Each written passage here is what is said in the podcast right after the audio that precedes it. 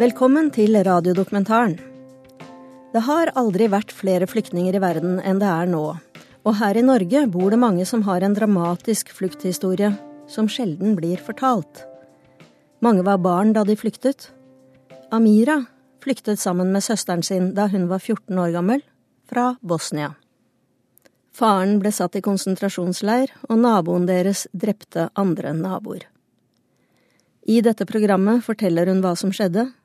Vi sender Min flukt, fortalt av Amira Becic.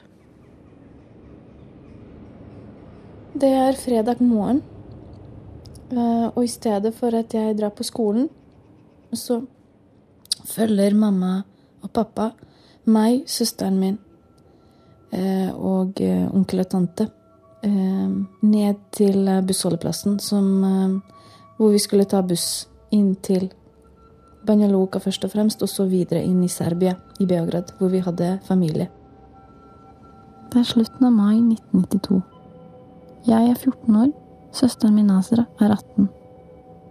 Det tar bare fem minutter å komme seg fra huset vårt og ned til hovedveien. Det er tett med hus på begge sider. Det var, så, det var så tidlig at det ikke var noen mennesker ute. I flere måneder har det hver dag passert tankser med serbiske soldater forbi huset vårt. Nå står vi på bussholdeplassen. Venter. Um, tror vi venta en, en, liten stund før bussen kom. Um, Prata vi om noen ting? Vet ikke. Hjemme på rommet sitt ligger lillebroren min på seks år under dynen og sover. Jeg var så knytta til broren min. Sa jeg ha det til han? Jeg skulle ønske at han ble med oss ned. Bussen stopper, eh, og eh, konduktøren kommer ut og spør mine foreldre hvor skal jentene. Og mamma forteller at eh, vi skal først til Banja Luka, og så skal vi inn til Beograd med fly. Så rister han på hodet og ser, og ser bekymret på mor og far. Mamma og pappa er redde for oss. Serbiske soldater har begynt å voldta jenter. Det kan fremstå litt rart at de skulle sende oss til eh, de som angriper oss. Men for dem så var det det eneste alternativet. Alt var bedre enn Bosnia. Sånn begynner flukten min.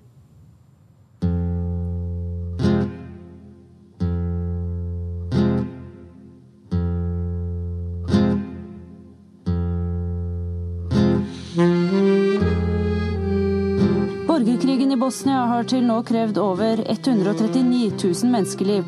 Blant de drepte er om lag 16 000 barn. Historiene om de serbiske overgrepene mot flyktningene fra Srebrenica er mange. Voldtekter, brutale familieadskillelser og hodeløse kropper langs veiene. Etterpå lå det døde og sårede blodig hulter til bulter blant de sparsomt utstyrte varebodene på plassen. Enkelte mennesker skal bokstavelig talt ha blitt sprengt i stykker. FN-gruppen har talt 184 fangeleirer i Bosnia, der utsulting, tortur og bandevoldtekter har vært hyppig.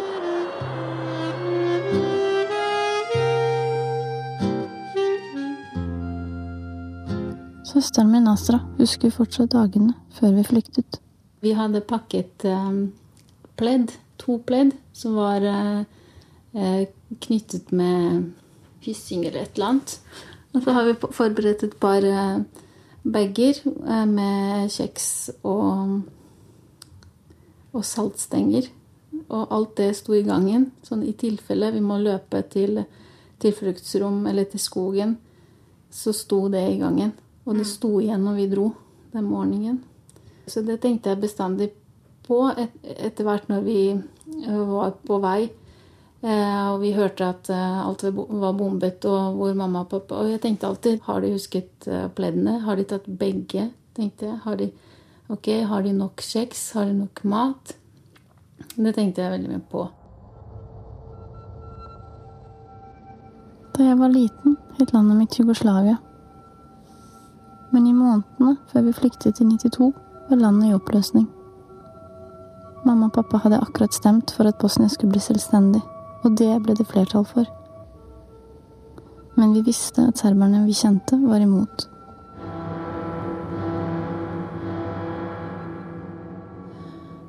Vi går om bord på bussen. Jeg tror jeg går først inn, og min tante betaler for bussbilletten. Og eh, bussen er eh, full av soldater. De, har, de er uniformerte og bærer våpen. Og skråler og synger og prater høyt. Eh, og jeg tror jeg ser noe ledig plass. Og jeg og søsteren min går helt lengst inn i bussen og setter oss. Vi ser ikke etter mor og far, og vi vinker ikke etter dem. Altså det, vi bare ser rett fram og er helt stille. Og så kjører bussen.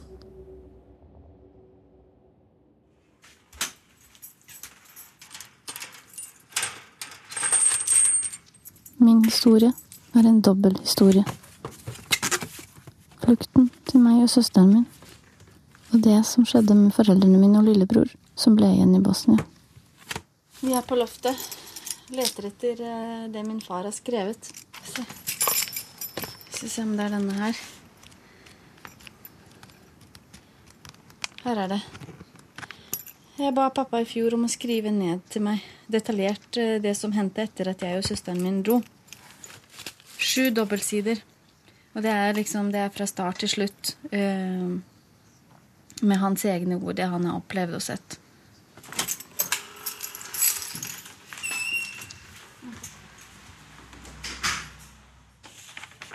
Proljeće 92. godine već se osjetio nekakav strah da će doći do rata.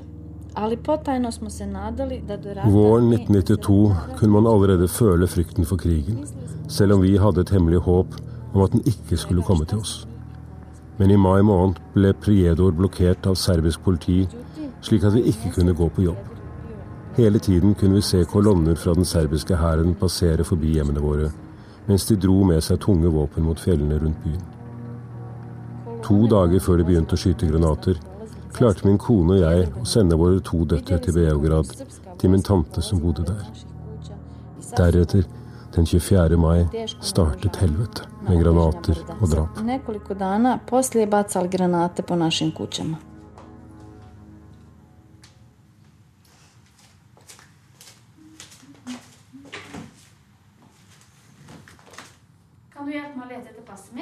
Pass? Det er ikke i den skuffen.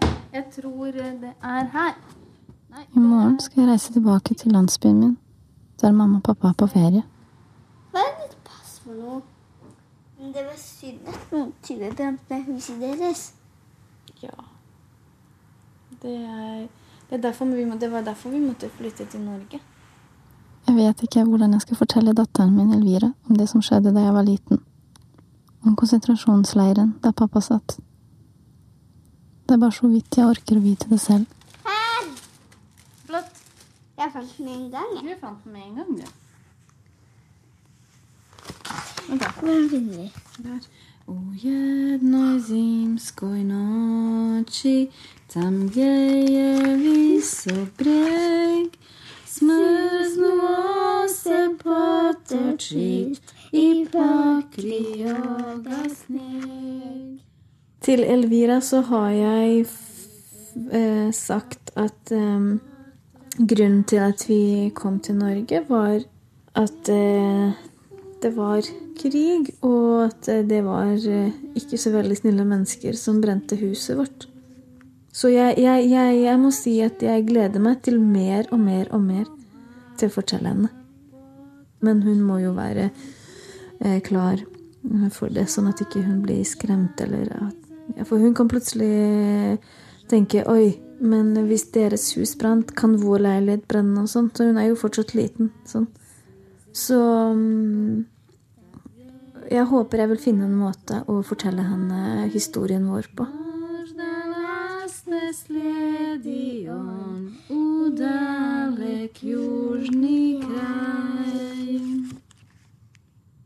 Tenk hvis du nå skulle Mamma skulle sende deg på ferie til noen andre mennesker. Ah, som ikke du kjente. Nei! Jeg vil ikke bli alene.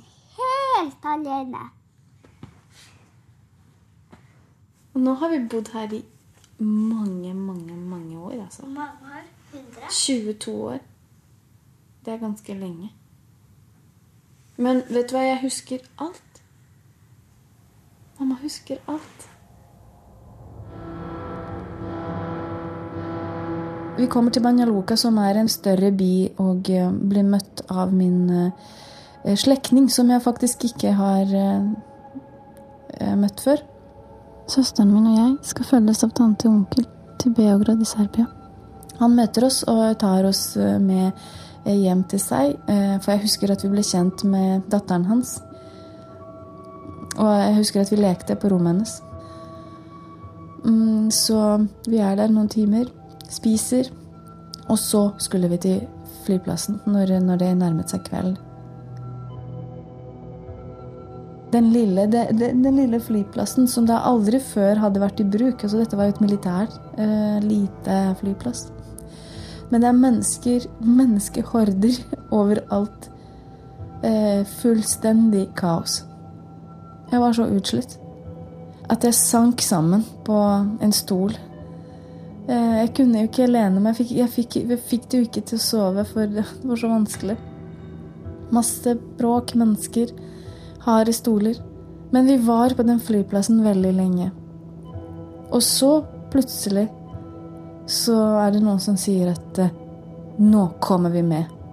Og så går vi om bord, og min onkel får beskjed om eh, at han må sitte på do under flyturen. Da var det siste sete. Det fikk vi høre var siste fly som gikk.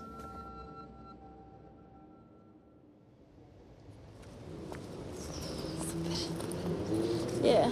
Как се каже katt? Matse. Mat. Det er siste skoledag før sommeren. Eple. Elvira skal på ferie til faren sin, mens jeg skal til Bosnia. Jeg booka eh, Jordbær. Det husker jeg ikke. Jagoda. Vi sier ha det ved bussholdeplassen utenfor skolen. Men du må si ha det. Jeg elsker deg. Mm, Boba. Ciao, Boba. Ciao. I motsetning til da jeg dro fra mamma og pappa for 22 år siden, vet Elvira og jeg at vi skal møtes igjen.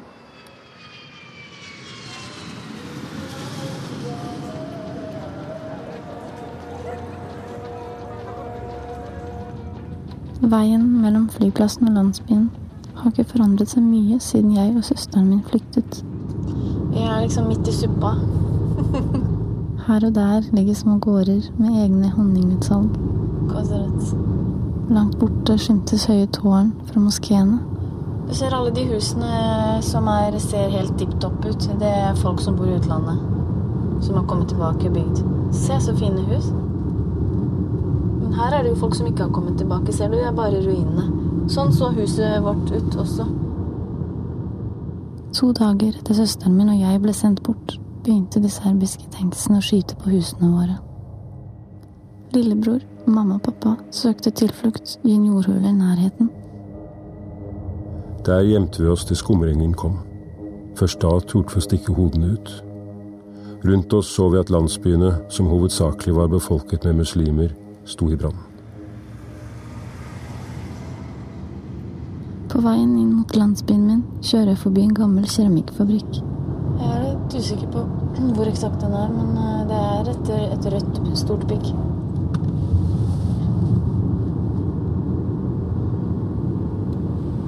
Jeg tror jammen det er det røde bygget der også. Bak det blå. Jeg skal bare se. Det er mulig at de har prøvd å bygge foran, sånn at eh, Der, ja. Eh, her, er, her er konsentrasjonsleiren. Det var her pappa satt fanget. Eh, laminat, parkett og eh, tepper selges der. Faren min satt her. Når jeg tenker tilbake på barndommen min, landsbyen, en sånn idyllisk naboer som passet hverandres barn. Alle kjente alle. Så hus inntil hus. Veldig tett. Um, vi hadde noen serbiske naboer. Ja, vi vokste opp uh, sammen med dem.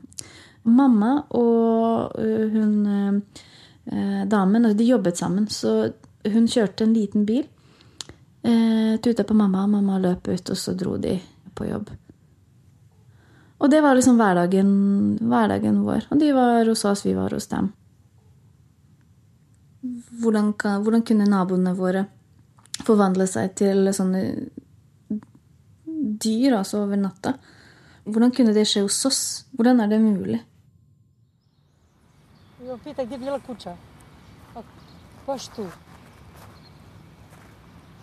Mamma og pappa møter meg ved den gamle tomten vår.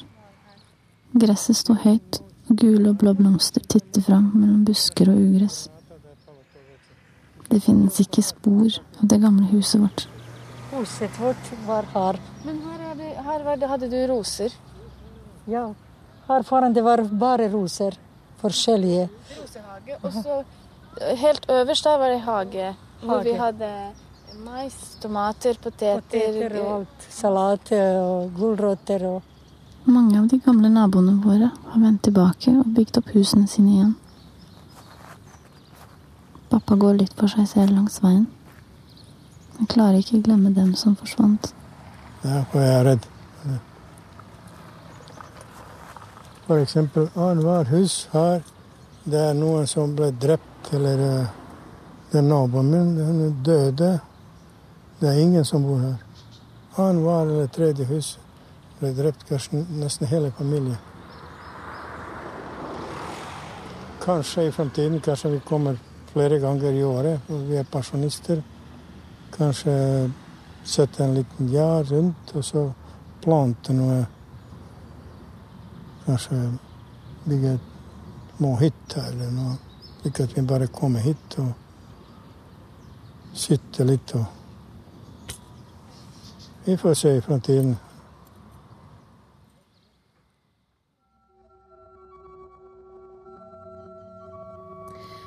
Vi lander i Beograd, eh, hovedstaden i dagens Serbia, og blir henta av sønnene til eh, tanten min. Og så kjører vi til eh, min tante sin leilighet, kanskje en halvtime unna eh, sentrum. Er sånn blokkbebyggelse. Og hun har eh, en liten toromsleilighet. Et soverom, ganske stort. Og eh, jeg og søsteren min skal da sove på det soverommet. Så prøvde vi å ringe mamma og pappa, men da var linjene brutt.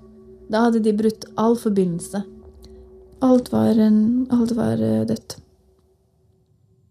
Men jeg husker når vi var i Beograd, at jeg For første gang så var det en veldig stor by. Beograd er den største byen i Jugoslavia. De hadde, det er et stort område, mange mennesker.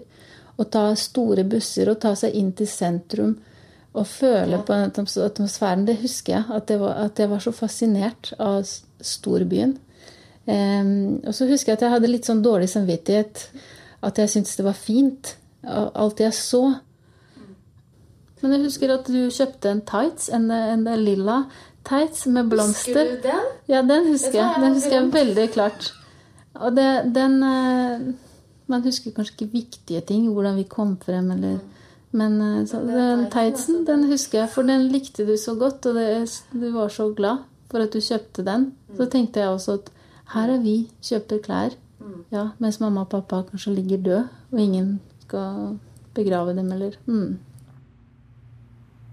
Det, det, er min lillebror som uh, jeg savner mest når vi er i Beograd. Uh, mamma og pappa er uh, på en måte utenfor, på en måte utenfor rekkevidden. Det er kun lillebroren min som jeg lengter etter og drømmer om og å, jeg ville bare ta på han. Ligge inntil han. Målet mitt hele veien, hele veien var at en dag skal jeg se broren min. I landsbyen Sivtsi søkte vi tilflukt hos en husvert. Vi var rundt 30 mennesker, og det begynte å bli lite mat. Strøm hadde vi ikke. Fra huset kunne vi fortsatt se landsbyen vår, og vi så hvordan serberne plyndret og brant hjemmene våre. Hele tiden tenkte vi bare på hvordan vi kunne overleve og få tilbake friheten. Der var vi helt til den 14. juni 1992. Klokka to om ettermiddagen kom en serbisk hær med stridsvogner og beordret oss ut. Vi måtte stille oss på rekke foran huset. Jeg sto der sammen med min kone og vår yngste sønn på seks år. I et øyeblikk kom en serbisk soldat med automatvåpen og svarte hansker på hendene. Han beordret at alle menn skulle skilles fra kvinnene og barna.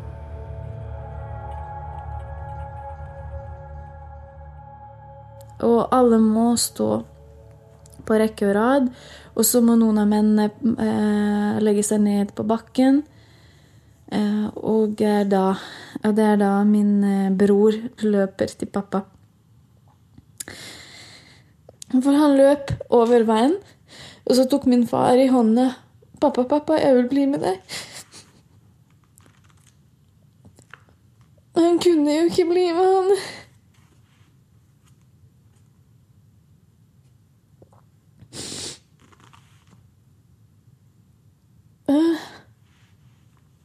Og, og så kjørte de av gårde med dem og med vennene.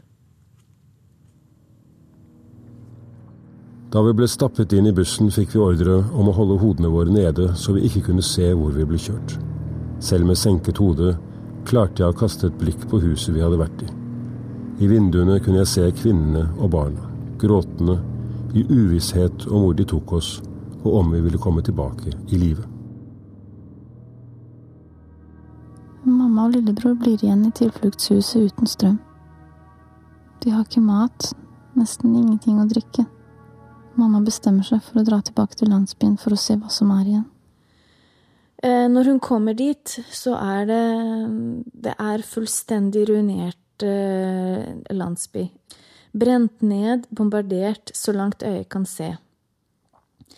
Og det ligger lik i, eh, i, i, i grøftene på veien, i hagene. Og min mor også ser at det ligger noen døde lik i hagen vår. Idet hun er i ferd med å dra tilbake, så ser hun jo at der er den serbiske naboen vår. Som vi da har hatt Som vi har feira jul sammen med, som vi har Altså husvennene våre. Der står han med, med uniform og gevær. Og han sa til meg 'Hei, Nusreta'. Hvor er dere? Hvor er Esad? Han spør meg som er helt normalt. Og jeg var ikke redd fortsatt nå, når jeg tenker han, han kunne drepe meg. Selv om han er naboen vår. Fordi vi hørte at han drepte to-tre våre naboene. Han kunne drepe meg også. Da jeg, jeg følte ikke det var så farlig. Fortsatt jeg føler for ham alt normalt. At han er vår venn. Naboen vår inviterer mamma med hjem til huset sitt. Det står uskadd mellom ruinene. Og han sa 'vær så god, kan dere komme inn'? Og jeg kom inn. Konen hans Mira har laget kaffe. Hun er mammas gamle venninne. Og så plutselig så jeg min komfyr hos dem. ja. Men Mira sa ingenting. Mira var veldig stille. Hun sa at, hun, uh, at de passer på komfyr og på mine nye ting fra huset mitt. Fikk du noen, noen av disse tingene tilbake, sånn som hun sa at hun passet på disse tingene for oss? Nei. Vi var som søstrene. Så, så plutselig. Men nå vi har aldri en kontakt.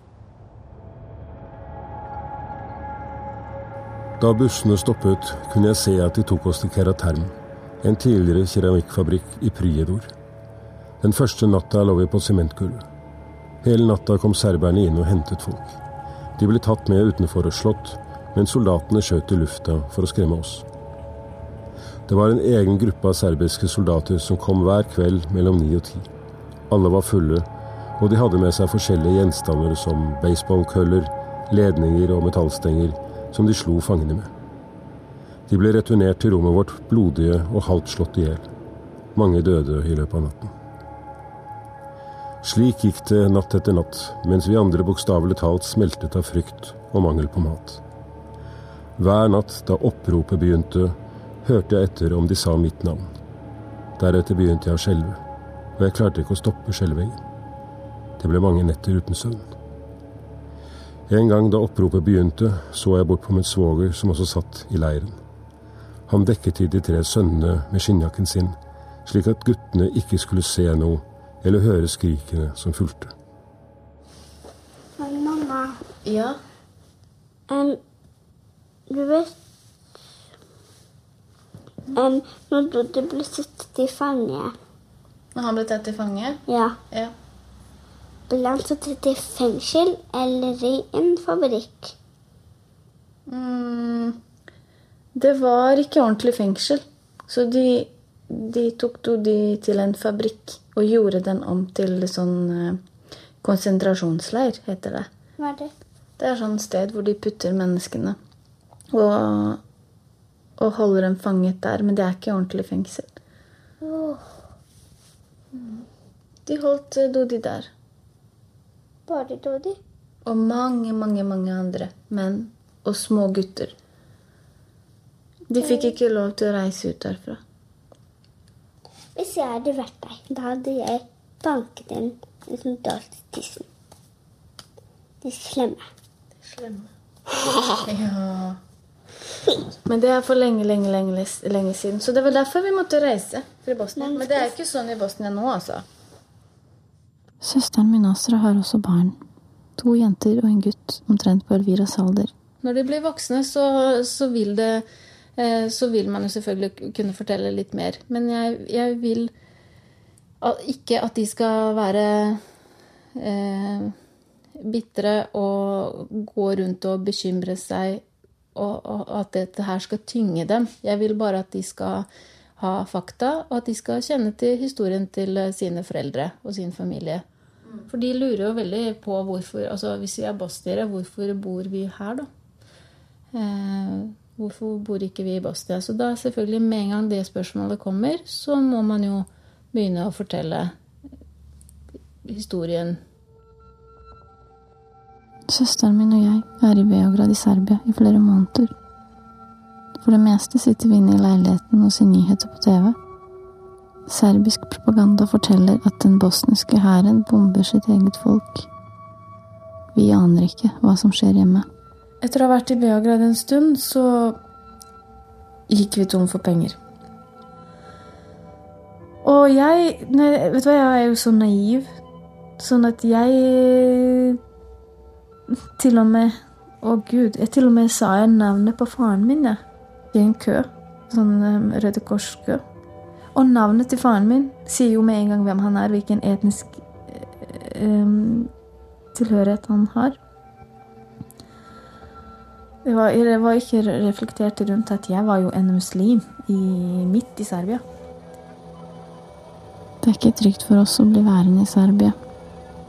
Søsteren min og jeg skal sendes videre til nye slektninger i Kroatia. Vi har ikke pass, ingen garantibrev, ingen penger. En morgen pakker vi sakene våre og setter oss på bussen for den fire timer lange turen ut til grensen. Nei, vi kjørte, vi, kjørte med bussen full av mennesker. Så kom vi til grensa. De vurderte ikke lenge før de kasta oss ut av den bussen. Så regna det kjempemasse. En sånn lite grensekontroll. Så tar vi med oss tingene våre. Masse forskjellige poser. En pappose full av sko. Det var da eh, papposen ble revet i stykker av regnet, så bare skoene bare flydde utover. Noen gikk under bussen, og jeg husker jeg plukka dem. Og det var kjempenederlag. Så forsvinner bussen, så står vi der. Og det, og, og det er natt, og liksom det står på en grenseovergang. Hvordan i verden skal vi komme oss tilbake derfra? Det er jo ikke akkurat noen busstasjon. Og da var det de serbiske eh, grensevaktene. De sa bare stå her, så skal vi prøve oss å stoppe en buss. Da kom det en buss som kjørte serbiske mm, gjestearbeidere. Eh, og da spurte han sjåføren om vi fikk sitte på. Okay. Jeg tror ikke vi betalte engang eller noen ting. Okay. Men, eh, men da, da, fikk vi lov til å kjøre helt til Beograd. At det var dit den skulle. Vi endte opp i, i sentrum av Beograd. Vi var jo ganske kjent etter hvert i byen, så da var det jo bare å finne seg en trikk. Og de trikkene, så der er det jo de lukker døra plutselig og eh, masse mennesker og kaos, og vi er slitne og bærer på kofferter og poser og um, bager. Også min, min tante en ganske liten dame, og jeg tror hun bærte to kofferter. Så kommer seg ned trappa, eh, trikken. Så ser vi på, og så klarer hun ikke å komme seg av. uh, men likevel Det er ikke, ikke antydninger uh, til at hun uh, ler, smiler. Ingenting. Hun dødsalvorlig prøver å komme seg av trikken, får det ikke til. og jeg og søsteren min bare sprekker fullstendig i latter. mm. Så jeg kan ikke huske at vi lå noen andre ganger. Men eh, da sprakk vi, rett og slett. Mens pappa sitter i konsentrasjonsleir, forsøker mamma og lillebror å flykte fra Bosnia. Søsteren min og jeg prøver å komme oss ut av Beograd. Igjen og igjen drar vi ut til grensen, og til slutt klarer vi å komme oss over til Ungarn og videre inn i Kroatia. Jeg sang den kroatiske nasjonalsangen. Hva? eh, i bilen. Ja, jeg gjorde det når vi kjørte, endelig kjørte over den kroatiske grensa etter så mange forsøk. Så det var etter vet ikke hvor mange uker vi har prøvd å komme oss til Kroatia, men det var en utløsning, og da kom den kroatiske nasjonalsangen. Det var første og siste gangen jeg sang den, da, men det føltes veldig godt. vi blir tatt imot av onkelen vår. Han har nyheter om mamma og lillebror. De er i live og har blitt sendt ut av Bosnia, stuet sammen på et godstog med hundrevis av andre kvinner og barn. Nå bor de hos slektninger bare noen timer unna. Det er nesten fem måneder siden vi så dem sist. Nå skal vi se mor. Og eh, det var en sånn skikkelig solskinnsdag. Jeg tror han kjørte oss direkte til den leiligheten hvor min mor var. Eh, min mor har på seg en eh, blå En sånn blanding mellom kjole og eh, badekåpe, altså. Blå type silkestoff. Hun var Hun var syltynn. Og min mor har alltid vært kraftig. Hun var syltynn. Og så ser jeg henne komme bort til bilen.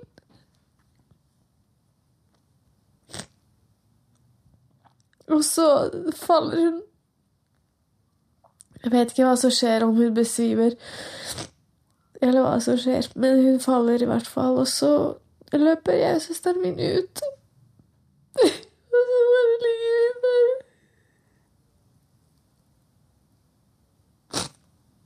Lillebror er der også. Eh, og han var like rampete som alltid. Kjemperampete. Han var jo, han var jo seks år. Eh, og jeg husker jeg var ute med han en dag. Jeg bare satt på en benk mens han husket og huska og huska og huska. Bare satt der og så på det.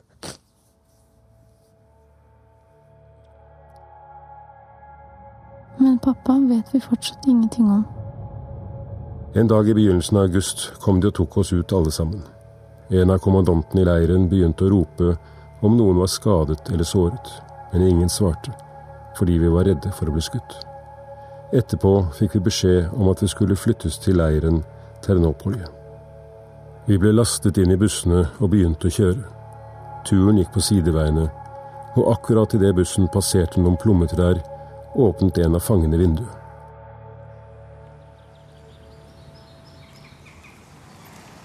Jeg husker veldig godt eh, ca. 500 meter før konsentrasjonsleir her, Eh, noen åpnet vinduet i bussen, og så tok Det var uh, akkurat det var litt plommer på, ved siden av veien, og jeg klarte å ta to-tre plommer. Jeg strakte ut armen og klarte å rive av et par plommer fra grenene som lente seg over veien. Jeg kommer aldri til å glemme smaken av de plommene, selv om de ikke var helt modne. Det er ubeskrivelig smak. En grå asfaltflekk, noen jorder og to slitte bygninger er alt som er igjen av Ternopolje-leiren. Vi er i den serbiske delen av Bosnia, der mange i dag fornekter det som hendte under krigen. Det finnes ikke noe minnesmerke. Ingenting som forteller om hva som skjedde. Isteden brukes den gamle konsentrasjonsleiren som barneskole. Den konsentrasjonsleiren var litt, litt uh, mindre strengt. Det var litt mer mat, og vi spiste kanskje to ganger om dagen litt hvis, hvis det Og så en dag gråt jeg hele dagen. Sitter akkurat på den trappa der og gråter. Jeg visste ikke hvor familie og vanskelig. Nesten alle jentene ble bortført. Du kan ikke gjøre noe når en soldat kommer inn huset og sier 'hallo, du kom med meg'. Og du kan ikke si noe eller gjøre noe. Derfor var vi på en måte heldige at Amira og Azra at de ikke var her. Men det, du visste ikke at, eh, at pappa var um, i live? Na jednoj strani smo mislili da li je otac živ, pošto nismo znali ništa o, o tati. Vi visste ingenting, sier mamma. Ja treba, tu imam dijete sa sobom, ne znam. Vi har flyktet over enda en grense inn i Slovenia. Vi bor i en leilighet sammen med noen slektninger, og vi vet ingenting om pappa. Hver dag ringer mamma rundt og spør om noen har hørt noe. Ingen kan hjelpe. Hun tenker er han i live? Men en dag får vi et brev. En brun konvolutt med et rødt kors i hjørnet. Pappa har sendt en beskjed gjennom Røde Kors. Han skriver at han lever, og at hver uke settes nye fanger fri. Han håper snart å bli sendt ut av leiren. Ja nisam, ja sam bio u, u logoru, nisam mogao to da, da doživim, šta ja znam, jedino ono kad sam došao Husker du at vi snakket sammen på telefon? spør pappa. Ono preko telefona, sjećaš ti se toga? Nei, jeg husker ikke. Hva, hva, hva snakket vi om? Snakket jeg bare ville vite om hvordan gikk med dere, og det var viktig at dere er i live. At vi og tenkte at vi skal samles en dag. Og så overrasket du oss eh, plutselig en kveld. Ja, altså, vi var, gjorde oss klare for å legge oss. Da var klokken nærmere sånn elleve på kvelden. Altså. Og den natta så sov vi hos min onkel, jeg og søsteren min og min mor. Og min lillebror. Eh, For det var noen naboer rett under min onkel. De pleide alltid å si fra. Bare klokken er over ti, så begynner de å ringe på døra og si at nå bråker dere og sånn. Så min onkel var jo så stressa over dette her. Eh, Og klokken var nærmere elleve. Plutselig så ringer det på nede på um, De bodde i leilighet. Og så min onkel bare Hallo? Ja, og så Det var jo min far som kom. Døra, heisdøra, åpner seg, og Og så var det helt stille. Ikke et pip. Ingenting. Vi bare Vi bare klemmer. Så bare ble vi sittende i stua. Fortsatt bare sånn helt rolig. Akkurat som nesten ingenting hadde skjedd. Etter hvert så legger vi oss. Og det var bare ett soverom i den leiligheten til min onkel. Det var en sånn enkel eh, sovesofa som kunne dras ut. Og eh, på den lille sovesofaen så sov vi fem, andfødtes sånn helt inntil hverandre. Åh. Ah.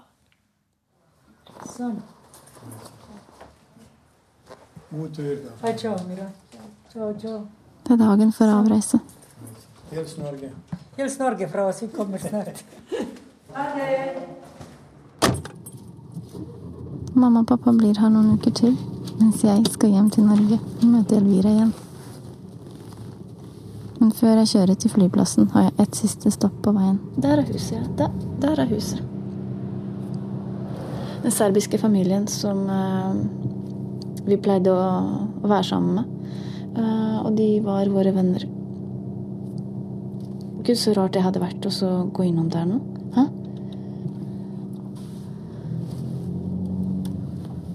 Da kjører vi forbi. Jeg har vært i det huset her så mange ganger. Så mange ganger. Jeg, jeg kan jo ikke se engang, altså. Bare kjør forbi. Bare kjør forbi. Jeg er så redd for at eh, det, hun er i hagen her, så vi bare Så vi bare kjører forbi. Jeg tør ikke se, altså. Jeg tør ikke se. Jeg bare eh, kan ikke se på henne. Oh my god. Der er han mannen, altså. Jeg så han. Han sitter i hagen. Han sitter i hagen, altså. Oh my god, altså.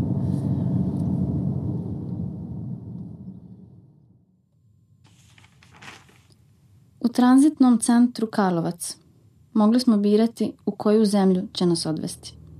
Ja sam slučajno... På flyktningssenteret i Karlovac fikk vi lov å velge landet som skulle ta oss imot.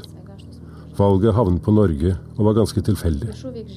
Men jeg kan ærlig si at jeg aldri har angret. Her ble vi tatt vare på etter alt vi opplevde. Jeg lever fortsatt i Norge. Her har jeg og min familie etablert vårt nye liv. Men skader etter krigen er umulig å viske bort. Jeg håper våre etterkommere slipper å oppleve vår skjebne. Da se nikad nikome ne ponovi ono što smo mi preživjeli.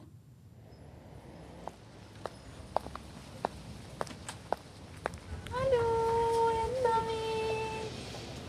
Hei. Hei, hei, hei, jenta mi. Åh, godt å se deg igjen. Åh. Har du hatt det fint hos pappaen din? Jeg har spilt minigolf i dag. Har du spilt minigolf med pappa? Var det gøy? Å, jeg savna deg. Mamma savna deg. Å, nå skal vi være sammen. Nå skal vi være sammen. Jo! Ja.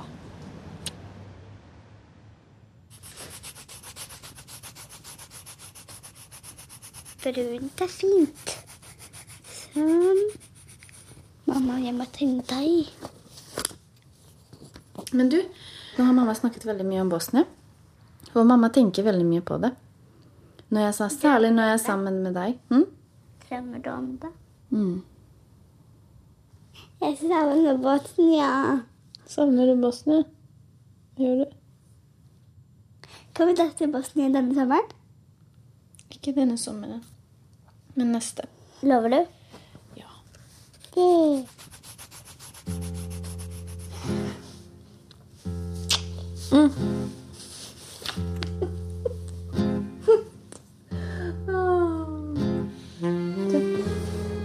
Kose, kose, kose. Jeg mine deg. Godt å klemme litt.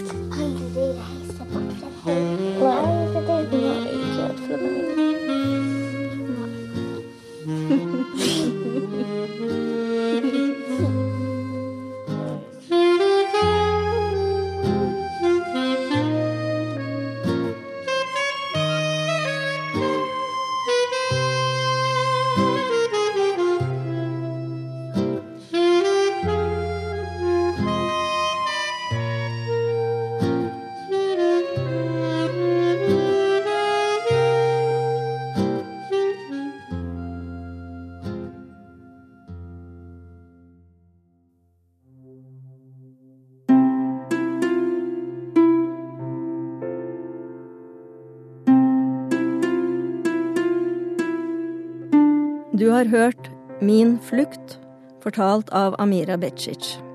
Dokumentaren var laget av Sindre Leganger. Teknisk regi Nils Jakob Langvik. Konsulent Berit Hedemann.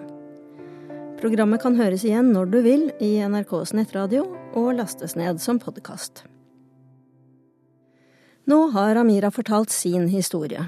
Hvis du eller noen du kjenner har en flukthistorie å fortelle, kan du dele den på nrk.no – min flukt, eller ved å bruke emneknaggen Min flukt i sosiale medier. Du kan lese flere flukthistorier på nrk.no – min flukt, for vi vil gjerne videreformidle disse historiene.